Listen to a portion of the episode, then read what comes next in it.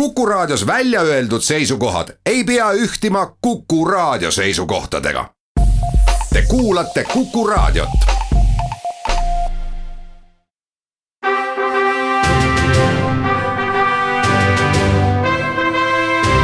vahetund Tartu Postimehega. tere tulemast, head kuulajad, jällegi eetris saade Vahetund Tartu Postimehega, mina olen Rannar Raba ja loomulikult on ikka ja jälle rõõm teid tervitada meiega samal lainel olemise puhul. et tegemist on ajakirjandusliku saatega, milles peaasjalikult esinevad ajakirjanikud, siis on mul tänase saate sissejuhatuseks üks, üks üks äh, meie toimetuse enda hinnangul oluline teadaanne edasi anda. Äh, nimelt äh, on oktoobris alustamas sihtasutuse Postimees fond eestvedamisel ajakirjanduskool. tõsi, see alustab tegevust Tallinnas aga tõsiasi ei pruugi pärssida sugugi mitte seda, et ajakirjanduskoolist, mille me oleme algatamas, võiksid osa võtta ka need inimesed, kes elavad mujal Eestis ja loomulikult ka Tartus. ajakirjandus maastikul hästi tuntud õppejõud Mart Raudsaar ja Priit Hõbemägi on need mehed, kelle mõtete põhjal on selle kursuse õppekava paika pandud. miks me seda teeme? me teeme ennekõike seda selleks, et äh, Eesti ajakirjandusse tuleks juurde inimesi, kes äh, ühel või teisel moel on selle eriala alusmõttega saanud metoodiliselt tuttavamaks, kes võivad öelda, et neil on teatav hariduslik äh, taust olemas ja kui sinna juurde lisada enda inimese võib-olla varasem haridus, mõne valdkonna hea tundmine, siis mine tea, ehk sünnib siit mõni uus ajakirjanduslik särav täht. kõige tähtsam on see, et inimesel oleks veendumus äh, sellest, et äh, tänapäevases infoküllases ajastus on ajakirjanduse roll mitte sugugi hääguv, hääbuv, vaid just nimelt kasvav ja mis kõige tähtsam, tahe maailma parandada. ja üks teadaanne on mul veel nimelt Tartu Postimehe veebilehel on alates eile õhtust käimas veebihääletus tahan teid kõiki ärgitada sellest osa võtma. nimelt äh, oleme teist korda, nii nagu ka eelmise aasta teises otsas, äh, valimas Tartu ja Tartumaa aasta toodet me lööme kaasa nimelt ettevõtlusnädala äh, sündmustes ja kui kahekümne kuuendal septembril Tartu, Tartus kuulutatakse välja tänavused ettevõtlusauhinna saajad, siis oleme oma aasta toote võitjaga samamoodi püünele tikkumas, tahame anda meie lugejate sõnumi selle toote valimise kaudu siis sellesse nädalasse, nii et olge aga varmad ja aktiivsed hääletama. nii nagu tavaliselt, on meie saate peamine mõte siiski äh, analüüsida teemasid, mis on ühel või teisel moel viimasel ajal Tartu Postimehe veergudel kajastamist leidnud. Äh, selleks puhuks äh, saate esimeses pooles on minu hea kolleeg Kelly Kukin siin mikrofoni juures, tere tere! ja räägime teemal, mis äh, trükivalgust leidis esmaspäevases lehes. Äh, täpsemalt siis äh, see puudutab Jõgevamaad, aga kui me vaatame loo laiemat tähendust, siis ei ole see sugugi mitte võõras ka tartlastele või tartumaalastele, liiati siinsamas ühes piirkonnas me ju elame ja tegutseme täpsemalt siis äh, Jõgeva vallas Kuremaa ujulas ei saa enam äh, nüüd äh, alates sellest aastast käia ujumistreeningutel väikesed poisid ja tüdrukud, täpsemalt veel siis öeldes need, kes veel ei ole kooliealiseks saanud. Ja see on seal piirkonnas mitte siis ainult vahe, vahetult selle ujula ümbruskonnas elavate inimeste hulgas ka, vaid ka märksa kaugemal, meil sinu loost ka konkreetne näide ühtede luua lapsevanemate näol tuua, on nende seas põhjustanud palju paksu verd, inimesed ei saa aru, miks on selline muudatus tehtud. kel ei ole hea nüüd oma loo taustal seleta veel korra täpsemalt üle, milles on muudatus seisnenud ja kes selle taga on muudatus tuli siis äh, Jõgeva valla initsiatiivil, et äh, varasemalt oli Kuremaa spordikool, töötas sihtasutusena ja kuna seda nüüd haldas üksinda ainult Jõgeva vald, siis ei olnud mõtet seda sihtasutust nagu säilitada, sest et see ei ole rahalises mõttes kõige mõistlikum. ja seetõttu siis tehti Jõgeva valla allüksus, mida haldab äh, Jõgeva vald ja seetõttu muudeti ka põhikirja. ja põhikiri siis näeb ette, et spordikooli on ennekõike oodatud seitsme kuni üheksateistaastased noored ja lapsed ning see tõesti on lapsevanemad natuke ärevile ajanud. Tegelikult äh, Jõgeva abivallavanem sõnas, et äh, need lapsed, kes äh, varem käisid ujumas ja ikkagi olid väiksemad, saavad ka seal edasi käia, aga pigem puudutab see neid lapsi ja lapsevanemaid, kes nüüd tahaksid võib-olla oma lapsi alles panna sinna ujumistrenni. ma tahan siin täpsustavalt sulle lisada miks see lugu üldse meil praegu täna siin saates kõneks on ja miks ta ka võrdlemisi palju leheruumi esmaspäevases lehes sai. meie toimetuse hinnangul on äh, väga oluline meelde tuletada seda, et uppumissurmad on äh, Eesti sellises traagilises statistikas äh, ikkagi üsna silmapaistval kohal olnud juba palju aastaid tõsi, äh, enamasti küll äh, uppunud ei ole olnud lapsed, aga see ei tähenda siis seda, et teema neid üldse ei puudutaks. ja kõikvõimalikud äh, spetsialistid, kes siis traumaennetuse, aga ka siis traagiliselt lõppevate sündmuste ennetamisega tegelevad, on alati rääkinud, et ükskõik mis, kõige tähtsam on Eestis pühenduda sellele, et mida varasemas eas lapsed ujuma saavad, seda vähem on meil neid sündmusi, mille üle pärast pisarsilmil aru pidada nüüd siis äh, olemegi jõudnud sellisesse kurioossesse situatsiooni, kus ühelt poolt me küll tõdeme, et, et, et lapsi peaks võimalikult varakult ujuma õpetama, aga vähemalt üks näide on meil siitsamast äh, lähedalt võtta, kus justkui tegeletakse hoopiski teistpidise liikumisega, saan ma õigesti aru? just, et veeohutus ja ujuma õppimine ju on viimasel ajal olnud väga suureks teemaks ja see on ka põhjus, miks eh, ujumisõpe toodi kooli, põhikooli õppekava, et kehalise kasvatuse tunnis peab eh, laps õppima ujuma ja riik eh, annab selleks igal aastal üle miljoni euro, et seda ujumisõpet nagu veel rohkem edendada. et tegelikult siit ju et kui laps on viieaastane ja tahab õppida ujuma, siis miks ta, miks peaks mingi miks ta ei peaks saama seda teha, et äh, Tartus ju käivad auras isegi beebid ujumas ja keegi ei näe selles mitte mingit probleemi. et abivallavanem on küll öelnud, et ujula pole kummist, aga aga tegelikult äh, noh, seni on asi ju toiminud, seni on kõik saanud ujutud ja ei ole olnud suuri probleeme. põhiline, mida, mida siin tuleb tähele panna, ongi see, et et protesti avaldavad ju need tublid lapsevanemad, kelle Äh, lapsed juba varases eas, ma ei tea nüüd täpselt, kas ma ei tea, nelja-aastasest alates või neli, viis, kuus on juba seal ujumas käinud ja neilt nüüd võetakse see võimalus ära ja ühtlasi antakse järgmistele see, sellistele tublidele vanematele signaal, mida poleks sugugi tarvis anda.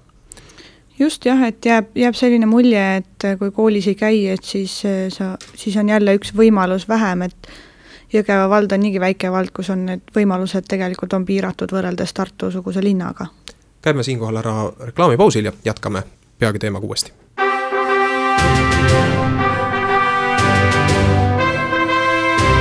vahetund Tartu Postimehega jätkame saadet.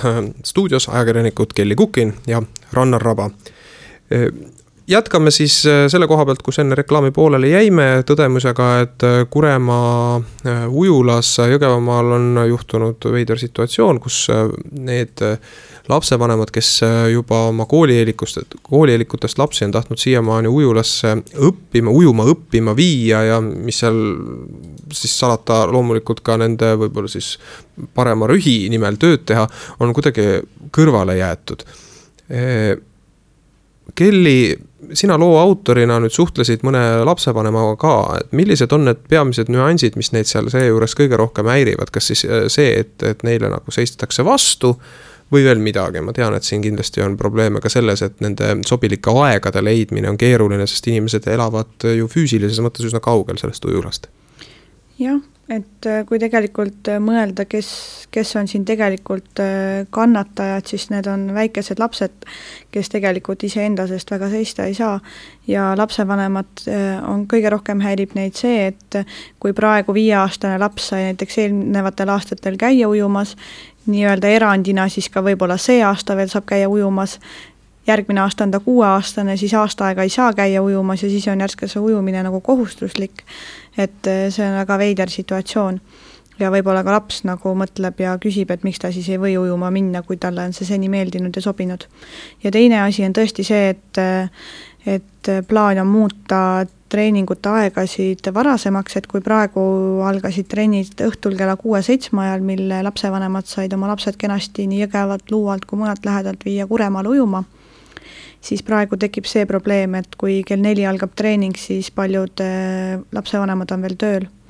et on olemas küll eh, tasuta maakonnaliinid, eks ole, millega liigelda, aga noh, esimese klassi lapsel või teise klassi lapsel või siis tõepoolest koolieelikul on täiesti võimatu ju minna või mõtlematu minna üksinda kaheteist-kolmeteist kilomeetri kaugusele ujuma.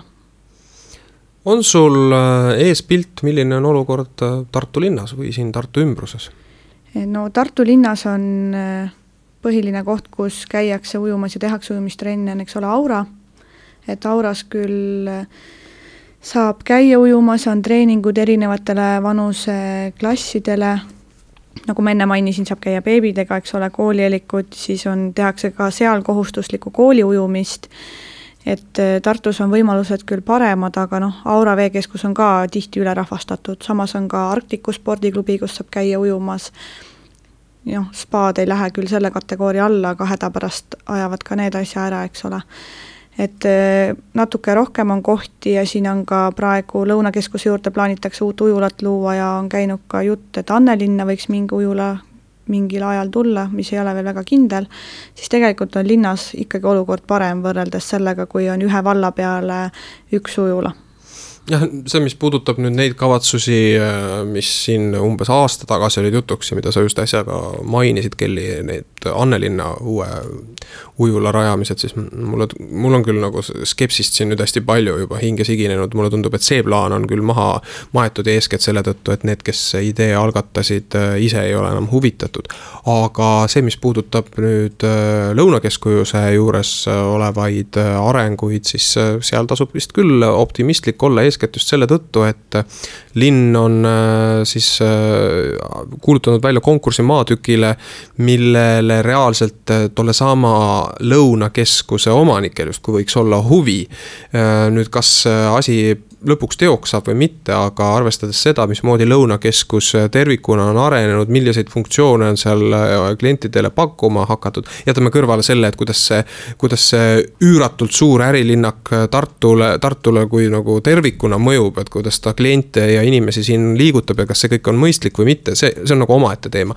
aga vaadates seda, et milliseid meelelahutusvorme lisaks kaubandusele seal pakutakse, siis ühe veekeskuse ja ujula, kasvõi, kasvõi väiksemat sorti ujula asukoht äh, oleks ju see igatepidi loogiline, eriti arvestades ka seda, et seal on erakool äsja oma uued ilusad äh, ruumid avanud. ja, ja, ja kindlasti oleks ka väljastpoolt Tartut äh, neid, kes sinna tee leiaksid. ja lõppude lõpuks Tartu-suguses Eesti mõistes ikkagi suures keskuses peaks neid ujumisvõimalusi olema olu-, oluliselt rohkem ikka ja jälle sel samal põhjusel, et lapsed juba maast ja madalast õpiksid tunnetama vett ei kardaks vett, oskaksid ujuda ja, ja selle võrra siis võiksid ka endale tagada turvalisema tuleviku ja meil kõigil hing oleks rahul rohkem. aga tuleme nüüd tagasi loo äh, keskme juurde, see Kuremaa ujula lugu ei ole meil sugugi lõpuni lahti räägitud veel. ma pean silmas nüüd äh, seda, et äh, me oleme üle konstanteerinud tõsiasja, et olukord on muudetud omavalitsuse eestvõttel seal Jõgeva vallas selliseks, millega lapsevanemad ei ole sugugi rahul. aga nagu ikka sellisel puhul konstanteerimisest üksi on vähe kasu, me peaksime jõudma nii-öelda probleemi juureni. mina tahaks küll teada, kes siis ikkagi oli see konkreetne inimene, kellel tekkis mõte, et teeme, viime ellu ühe halva mõtte? praegu tundub ikkagi, et asi on eh, olnud eh, vallas, on seal abivallavanem, kes sellest on korduvalt rääkinud sellest siis sihtasutuse muutmisest linna allüksusest, allüksuseks. ja see ometigi ju, see vormimuudatus ei tähenda ju sisuliselt äh, ja, seda, et tingimata ja, ja. peab inimeste huvidele vastu astuma. just, et just see põhikiri on, äh, on nagu huvitav, et sinna on pandud kindel vanusepiirang, et kui vanad äh, või kui noored inimesed võivad siis ujumas käia. et muidugi äh, valla haridus- ja kultuuriosakonna juhataja Helle Kajaste sõnas, et ei tasu vanematel suurt muretseda, et kõik asjad ikkagi septembri lõpuks räägitakse läbi, nii trenniajad kui muu seesugune, aga siiski on jäänud mulje, et lõppkokkuvõttes need koolieelikud sinna ei mahu. Ja, ja sellest ongi see nagu algne muudatustund, et nad ei mahu sinna. mina ei saa sellest aru, kuidas nad siiamaani mahtusid just, et äh, treener Rait Kalda ütles ka, et äh, temal on sada viiskümmend last, kes käivad ujumas ja seni on kõik kenasti mahtunud ja tema isegi ei sooviks neid tippsportlasi treenida niivõrd, nagu valla ettekujutus praegu on, et et äh, sinna peaks rohkem tulema selliseid huvilisi, kes tahaksid ujumise kui võistlusalaga tegeleda, mitte niivõrd selle algõppega. asjad võiks olla ju ennekõike noh, nii-öelda prioriteetide järjekorda seatud, et tippsportlaste või lihtsalt tublide sportlaste koolitamine, treenimine muidugi on see hea mõte ja loomulikult iga spordikool võiks äh, seda enda lipukirjaks pidada. aga esimene asi, millele peaks siis nagu omavalitsus selle spordikooli pidajana, pidajana mõtlema, on siis ikkagi see, et oleks rahuldatud meie elementaarsed vajadused. Äh, alates siis sellest, et, et et inimesed vett ei karda ja oskavad ujuda ja oskavad hästi ujuda, noh, ja lõpetades siis äh, sellega, et nad oskavad võib-olla ka ise abi anda. ja mida, noh, spetsialistid on ju seda öelnud, et mida varem asuda sellega tegelema, seda lihtsamini äh, tuleb see hiljem, et mina arvan küll, äh, ka mõeldes oma lastele, kes on ikkagi veidi enne kooli algust korralikult ujumise selgeks saanud noh, see oli suurepärane, et nad ei pidanud koolis, mis niikuinii tähendab äh, lapsele esimeses klassis äh, parajat äh, pinget, uut keskkonda, seda mõtteainet, millega tegeleda ja, ja kuhu oma energiat raisata.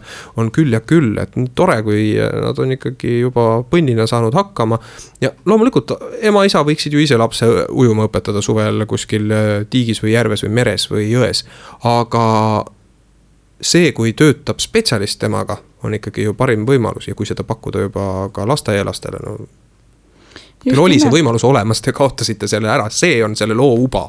just nimelt ja noh, lapsevanem võib tõesti õpetada oma lapse ujuma, aga aga ka lasteaialapsed tahavad ju tegeleda mingi huvialaga ja kui vallas on olemas võimalus, et käia ka talvel ujumas ja käia kevadel ja suvel, sügisel ujumas, noh, Eesti seda rannailma on tegelikult väga-väga vähe ja, ja see on ka põhjus, eh, miks treener Rait Kalda ütles, et eh, Kuremaa ujulas tegelikult ei saa tippsportlasi väga treenida, sellepärast et suvel on ujula suletud ja, ja kui neli kuud aastas on suvi, ujula uju suletud, siis on väga keeruline tippspordis ei teha selliseid pause lihtsalt sellepärast, et üks ujula on suletud. võtame teema kokku, võtame kokku tõdemuse või õigemini lootusega, et, et tegemist on sellise ühest bürokraatlikust muudatusest sündinud segadusega, mis siis äh, praktilistes vaidlustes äh, tehakse nii-öelda korda. ja kõik saavad siis lõpuks lahenduse, mis kõige paremini nende huve ja meie laste huve teenib ja et, ja et kuulatakse ennekõike neid inimesi, kes on reaalselt selle ujula kasutajad. aitäh, käime ära reklaamipausil ja pooltunni uudiste juures ning siis on juba siin stuudios koos minuga Aet Rebane, samuti Tartu Postimehe ajakirjanik.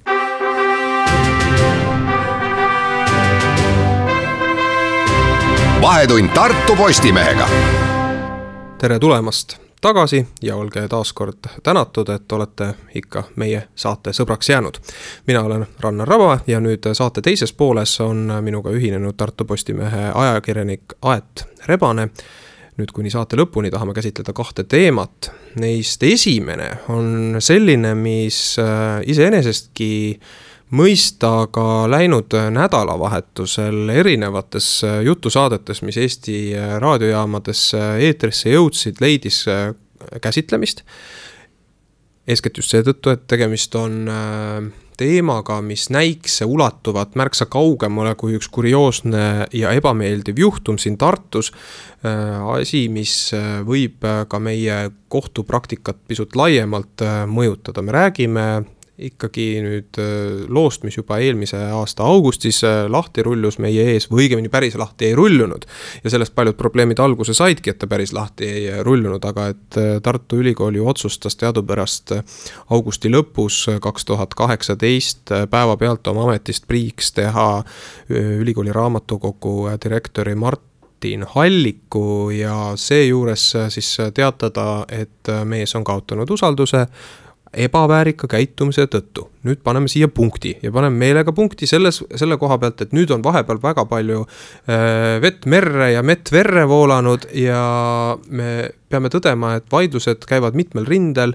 Äh, on olemas sellesama kaasuse asjus üks, äh, üks äh, kriminaalmenetlus kohtus, kus prokuratuur on läinud Martin Halliku vastu väitega, et mees on lausa seksuaalkuriteo sooritanud.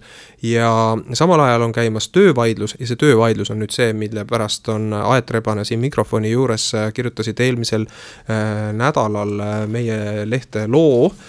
ma vaatan siit lehest nüüd üle, kuidas see täpsemalt meil pealkirjastatud äh, sai, äh, tavatult suured summad tõotavad õigusloomesse sügava jälje jätta. asja uba on siis ju selles, et äh, töövaidlus, mida ülikool ja Martin Hallik omavahel peavad, on andnud tulemuseks selle, et Tartu maakohus mõistis Halliku kasuks äsja välja üheksakümmend tuhat viissada kuuskümmend kaheksa eurot, sellest siis kolmkümmend tuhat viissada kuuskümmend kaheksa saamata jäänud tulu ja kuuskümmend tuhat mittevaralist kahju, ehk siis justkui lühidalt mööndi küll, et mees on midagi valesti teinud, me tea, me ei tea täpselt, mida. Äh, aga et see vallandamine sellisel kujul oli äh, ilmselgelt ülikooli poolt ülepingutamine ja sellega muuhulgas siis äh, hävitati mehe maine. tere ka minu poolt, vastab tõele selline asi juhtus äh, küll, aga äh, see ei ole kõik veel täitmisele läinud summa. ehk siis äh, selle kuuekümne tuhande pärast käib vaidlus edasi. mainisid, et tõenäoliselt muudab meie kohtupraktikat.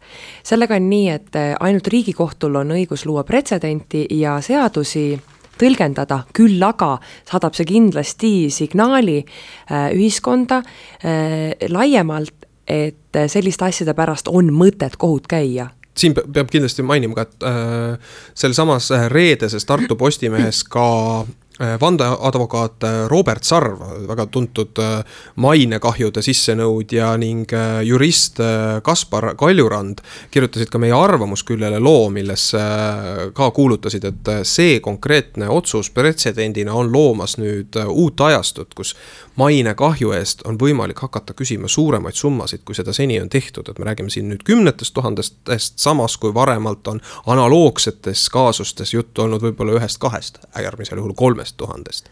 Just, ja isegi kui kõik need asjad ei jõua kohtusse, siis mida rohkem on selliseid lahendeid, kus ikkagi mainekahju eest mingisugune hüvitis välja nõutakse, äh, siis võib eeldada, et see teeb ka inimesi ettevaatlikumaks äh, sõnakasutusel üldiselt, sest et näiteks internet on selline koht, kus väga laadnalt mõnikord äh, pannakse inimestele silte külge ja nii edasi, kui ei ole ka näiteks süüdimõistvat kohtuotsust. küll aga on see mõnevõrra jälle selline eksitav või äh, noh, selline kahe teraga mõõk, et äh, on inimesi, kes leiavad, et see on äärmiselt ebaõiglane, et äh, vot saab veel auhinna ka.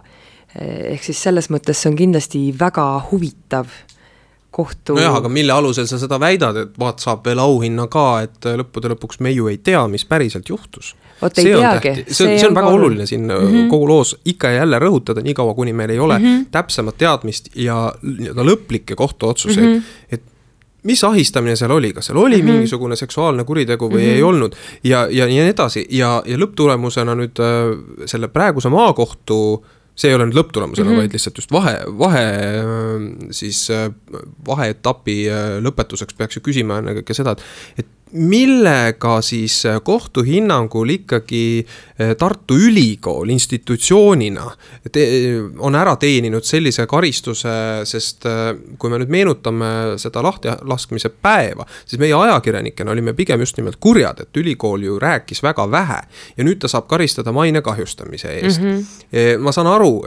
loen nüüd selle kohtu teate põhjal, et et ülikooli süüdistatakse siis selle mainekahju võimaldamise ehk forsseerimises mm. -hmm. aga teisest küljest, mida siis ülikool saanuks teha teisiti?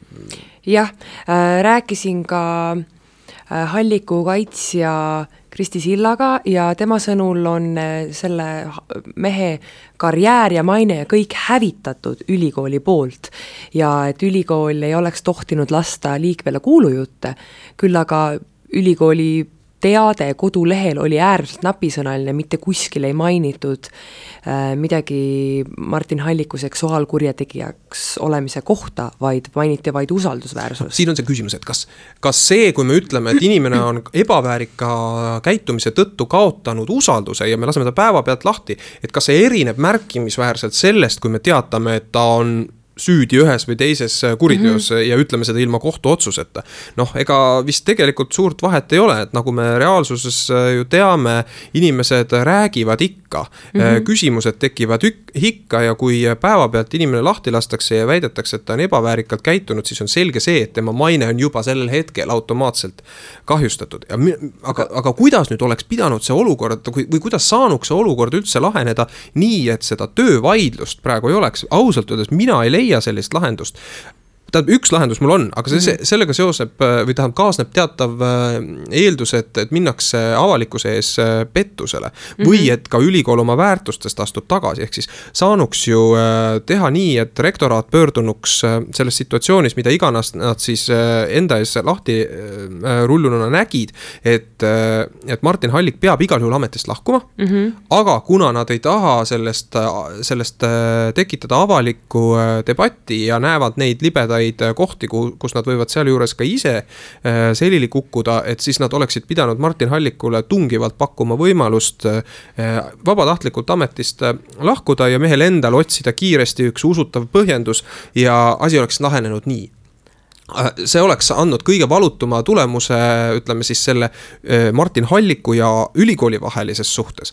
aga kui me nüüd räägime sellest, et kas niisugune lahendus oleks olnud õiglane ka eeldusel, et me usume, et toimus midagi lubamatut ja ebaväärikat tegelikult, siis selles kontekstis ma ütlen, et see oleks ju lihtsalt pettus. oleks äh pealegi ka seadus näeb ette, et tööandja peab hoiatama kõigepealt töötajat, aga siin ongi see küsimus ka, et, et et, äh, et kas siis tõesti oleks pidanud need töötajad, juhul kui seal toimus midagi, kannatama seda kauem ja ootama ära, kas ta siis hakkab paremini käituma. ja näiteks üks Riigikohtu lahend aastast kaks tuhat kuusteist äh, tõi küll välja, et äh, ainuüksi usalduse kaotamist ei piisa, et tööandja peab ikkagi alati hoiatama. no aga siiski seadus näeb ka ikkagi seda ette, et kui tehtu on mm -hmm. juba nüüd nii-öelda sellise kraadiga, kus ei ole võimalik töösuhet jätkata mm -hmm. minutitki. ja mm -hmm. ma mhm. väidan praegu, et kui need kõige karmimad kahtlused, mis Halliku suhtes äh, üles mm -hmm. on tõstatunud, peaksid tõele vastama mm. -hmm. ma ei julge seda sugugi mitte mm -hmm. väita, et need vastavad tõele. siis, siis sellisel juhul ega ülikoolil ei olnud teist võimalust, kui samal päeval töösuhe lõpetada. ega ei olnudki, äh, kui see tõesti nii oli aga eks, eks siin kuulujuttudele lisab kindlasti õli tulle ka see, et osaliselt on äh, see äh, on kohtu case äh, kuulutatud kinniseks, mis on ka arusaadav, miks see nii on, aga teisest küljest kõik sellised asjad jällegi annavad spekulatsioonidele rohkem ruumi mm. -hmm. nii ei olegi muud, äh, kui praegu äh, loota, et äh, järgmised kohtuotsused ikkagi toovad situatsiooni piisavalt palju valgust, et me teame, kes siis ikkagi lõppude lõpuks süüdi on ja kui on mainekahju tekitatud, siis saame ka aru, kes selle maine reaalselt siis allavett lasi. teist võimalust siin praegu ei ole, loodame lihtsalt, et asjaosalised, kes milleski süüdi ei ole, rohkem haiget ei saa. kindlasti on siin teema jätkamiseks ruumi küll ja küll. käime nüüd nüüd väikesel reklaamipausil ja siis koos Aet Rebasega jätkame järgmisel teemal vestlust kuni saate lõpuni.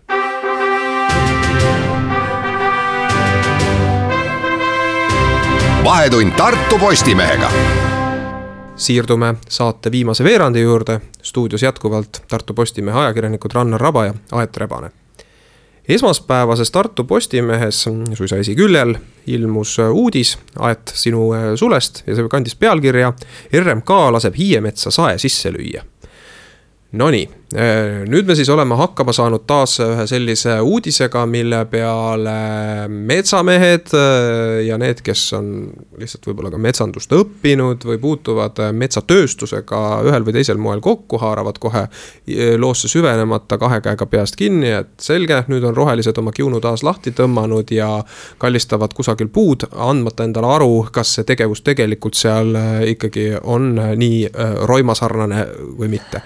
Sina loo autorina oled nüüd äh, ka raadioeetris võlgu seletuse, mis äh, selle loo tagamaa täpsemalt on? Äh, mulle tundub, et kui nendest Hiiemetsa, sellest konkreetsest Hiiemetsast on juttu, siis seal lihtsalt erinevad osapooled. nimetame siis ära, kus see täpsemalt ka asub. jaa, Tulimäe hiis. see on siis. rannu lähedal äh, no piisavalt täpselt ja. juba öeldud rannu lähedal Tulimäe hiis, seal räägitakse lihtsalt nii erinevatest asjadest kui RMK esindaja mm, näeb äh, seda, et siin on sellist puitu, mida saab kasutada, kui me selle juba maha võtame, siis ju võiks selle ka ära kasutada, see on ju loodussäästlik materjal, milleks seda raisku lasta, ürask on sees, siis äh, hiitekaitsja Ahto Kaasik äh, leiab, et see on pühapaiga rüvetamine.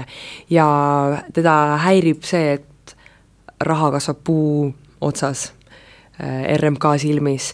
Ja siin on selline pikaajalisem vastasseis juba. Ja lihtsalt ongi niivõrd erinevad väärtused, mis põrkuvad. Ja siin ei olegi päriselt ka sellist õiget lahendust, sest me kõik tahame samas, et oleks talvel soe.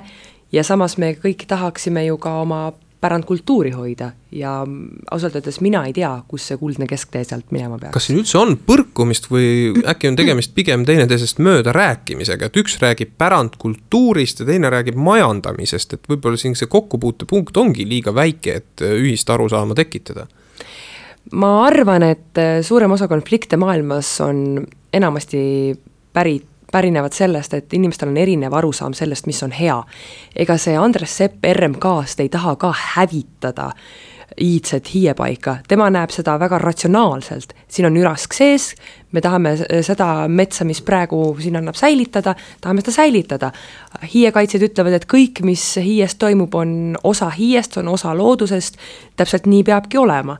ja lihtsalt need on nagu jah, ma olen nõus, siin räägitakse üksteisest mööda, sest et räägitakse lihtsalt niivõrd erinevatest vaatepunktidest lähtuvalt. kui sa oled nüüd loo valmis kirjutanud ja mõne päeva lasknud äh, ka sellel teemal laagerduda juba mm -hmm. oma peas, siis kas sa pigem kalduksid ühe või teise poole ise, ajakirjanikuna, ka ajakirjanikul on õigus ju arvamust lõppude lõpuks avaldada?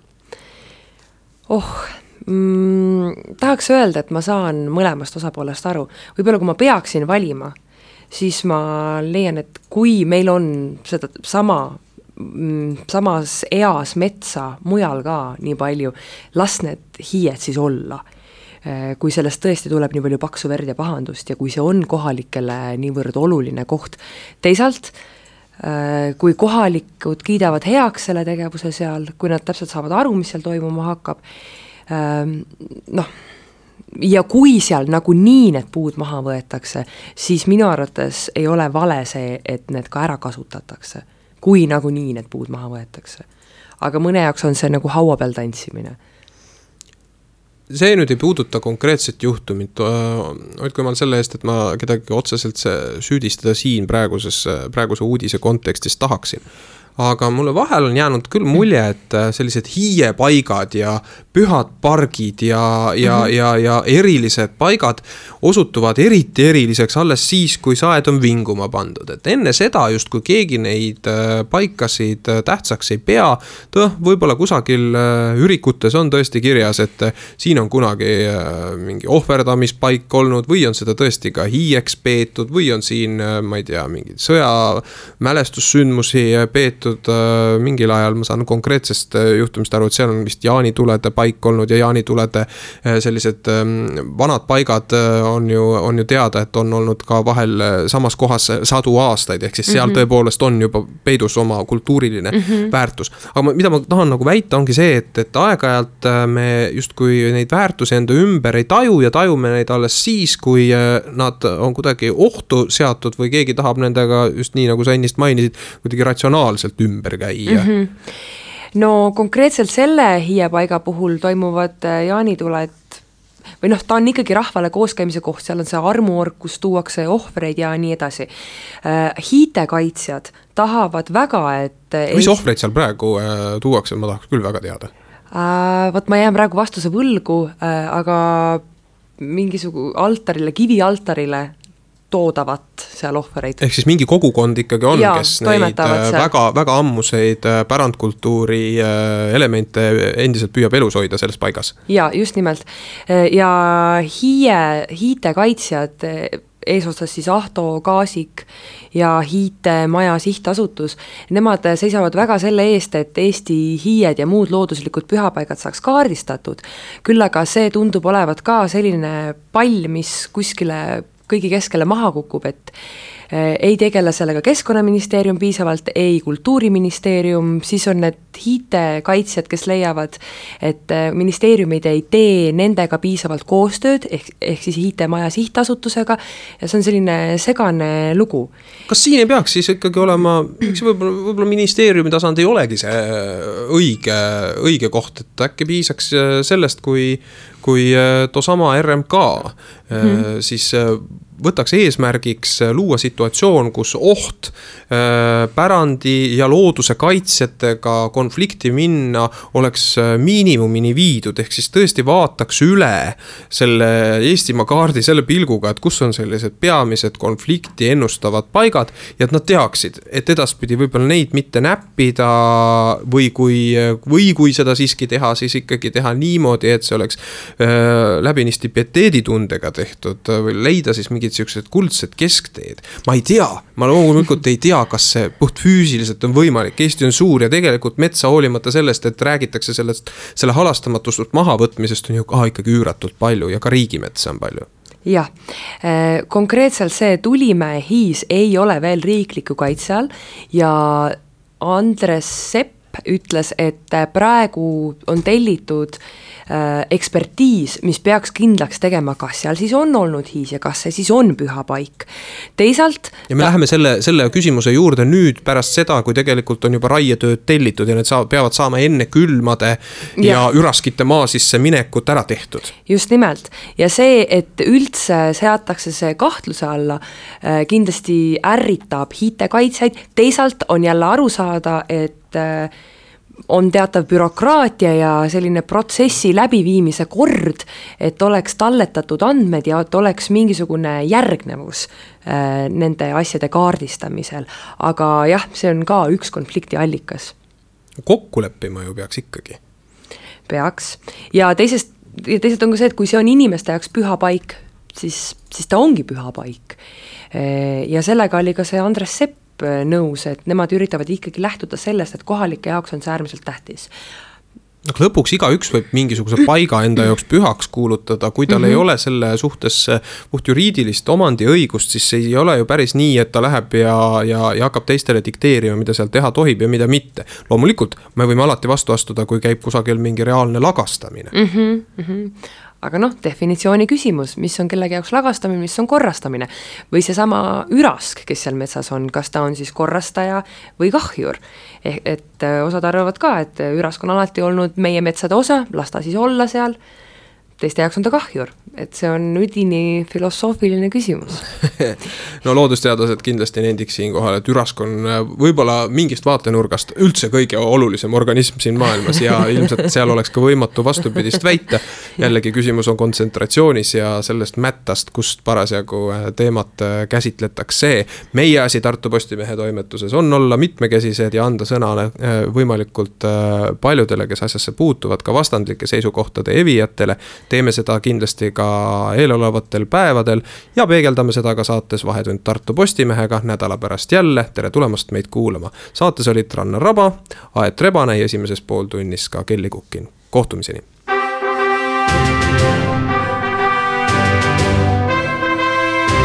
vahetund Tartu Postimehega